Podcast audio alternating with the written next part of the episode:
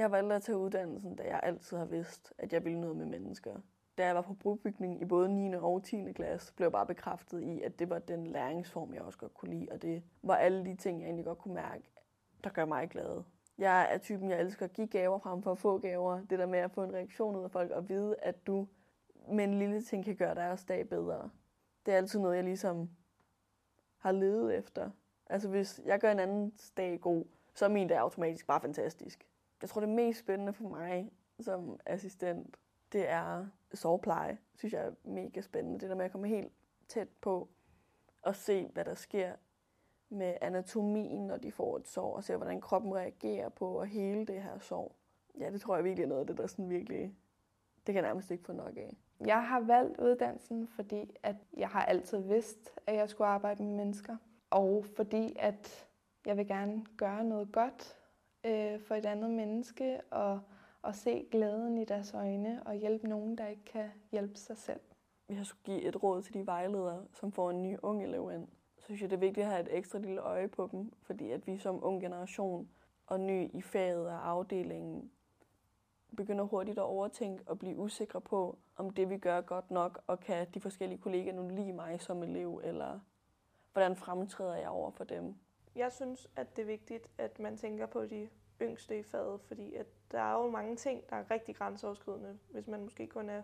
Altså jeg var jo 16, da jeg startede på uddannelsen, og der var det jo rigtig grænseoverskridende for mig at skulle lave noget hygiejne på en mand.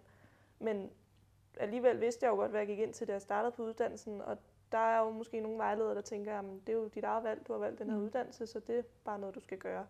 Øh, men der havde jeg heldigvis en rigtig god vejleder, som var forstående, og hun var med mig flere gange i starten. Også selvom jeg sagde til hende, jeg, jeg kan godt nu, så var hun sådan, er du sikker? Hun tog meget, altså, meget hånd om mig og var sikker på, at jeg var tryg i det.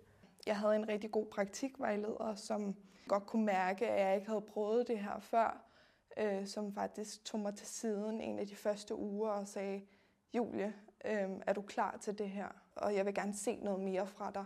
Og det, det gjorde, at jeg dagen efter så bare var på og øh, tog initiativ. Så det der lille skub, det var faktisk meget rart.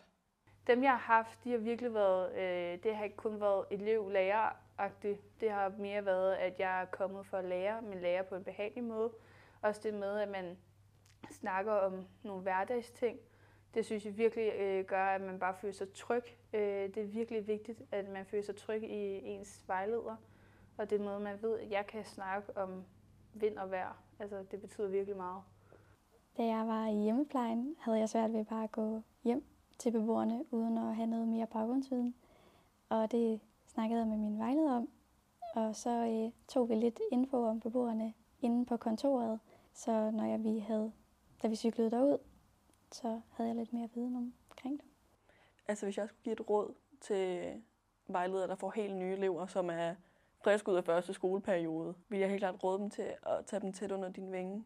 Der er en del vejledere, der har travlt, men det er virkelig nu, vi elever får det første billede på, at det her det er sådan, det kommer til at være i de næste to og et halvt, tre år. Vis dem grundigt, hvad du gør, eller fortæl dem præcis, hvad det er, du tænker. Og hvis du har en elev, der er ret fremme i skoene, smid dem ud i det hurtigst muligt.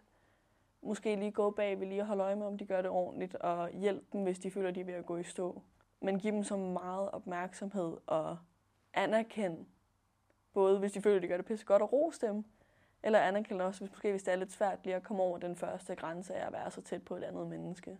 En god start for mig i den første uge var, at et medarbejderne spurgte mig om, hvem jeg var. Så vi lærte hinanden at kende, og så var det mere trygt at gå på arbejde og spørge dem til råds, hvis man var i tvivl. Som ung i det her fag er det altså de fleste reaktioner, jeg har fået på at være så ung, som jeg er, har egentlig været meget, meget positive. Det med, at wow, du er ung og vil arbejde med sådan noget her, var det fedt. Og har også brugt det som en samtale starter, hvor jeg har spurgt en del ældre damer her, som hvor gammel tror jeg er. Og så får jeg lov til at gætte, og de fleste siger sådan noget, enten midt slut 20'erne, og så er der også en enkelt, der har sagt 45, ikke? Hvilket både er super fedt på nogle punkter, men jeg kan også godt mærke, at det ligesom, det påvirker min relationsdannelse til mine kollegaer, fordi der er rigtig, rigtig mange af dem, der er et andet sted i livet. Fordi de fleste af dem har børn, nogle af dem børnebørn. Det har jeg jo ikke endnu. Og det kan godt nogle gange påvirke sådan, hvad kan vi snakke om? Har de lyst til at fortsætte en relation med mig efter, fordi jeg er så ung, og de føler mere sådan et moderligt ansvar over for mig, i stedet for sådan hende den fede kollega, du kan tage med ud på baren, eller sådan et eller andet, ikke?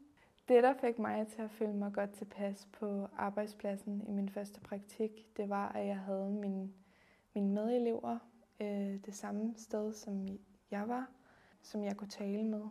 Øh, fordi det kan være rigtig svært som ung at kommunikere med personale øh, og nye mennesker. Jeg synes, det var rigtig fedt at have en på min egen alder, der også var i praktik, der hvor jeg var. Så man havde en, man kunne spejle sig lidt mere i og have lidt mere til fælles med. Altså man kan jo godt mærke, at der er nogen, der har, øh, der er nogen, der har været lidt længere tid inden for faget. Øh, det der med, at hvis jeg, når, nu jeg kommer med den nye viden inden for faget, så kan man godt mærke en gang, men det var det jo ikke dengang jeg tog uddannelsen. Nej, men det er også altså, 20 år siden, du tog assistentuddannelsen. Den har ændret sig et par gange siden da. Der har været kollegaer, som har spurgt, hvorfor jeg har taget den her uddannelse, og jamen, så skal du vel også læse videre, fordi jeg vil ellers være for ung til at bare være færdiguddannet. Øh, hvis der var noget, jeg kunne ønske, der skulle være anderledes i forhold til min praktiktid, så synes jeg, at man skulle være mere inddraget i nogle af møderne. Jeg oplevede for eksempel, at når der var noget, der hed assistentmøde, så skulle eleverne ikke være med. Og det synes jeg var ærgerligt, fordi at, øh, det kunne være rart at være med som elev. Øh, for man får jo rigtig meget ekstra viden af det, og det, man fordyber sig i noget, som er relevant for mig. Så jeg synes bare, det er vigtigt, at man bliver inddraget i alt det, det faglige også. Hvis jeg skulle ønske noget andet ændringer i min praktikperiode, havde det 100% været, hvis man var flere elever, der var, altså, hvis man, der var flere elever på stedet, at man prioriterede måske en gang eller hver anden uge, at eleverne samles til en frokost, hvor de kan pingpong med de udfordringer, men samtidig også de gode oplevelser, de har haft med nogle borgere. Den største forskel på, når man er ung og kan mærke, at man er den yngste, er det her med, at mine kollegaer snakker om deres børn, og nu skal de til at hente dem. Sådan, det kan man ikke rigtig være med på. Altså sådan, ej, du kan bare ikke finde ud af det, du har jo ikke været inde, altså du er jo helt ny i faget. Og ja, det er man, når man starter som 16-årig eller 18-årig eller hvad man er, så er man jo mega ny, og alt er nyt. Men senere hen må man også give sig selv en klap på skulderen, når man har gennemført uddannelsen, eller senere hen i forløbet, at sige, ved du hvad, alt det, jeg synes, der var svært i starten, det er det nemmeste nu. Nu er der andre udfordringer, jeg synes, der er svære. Ikke?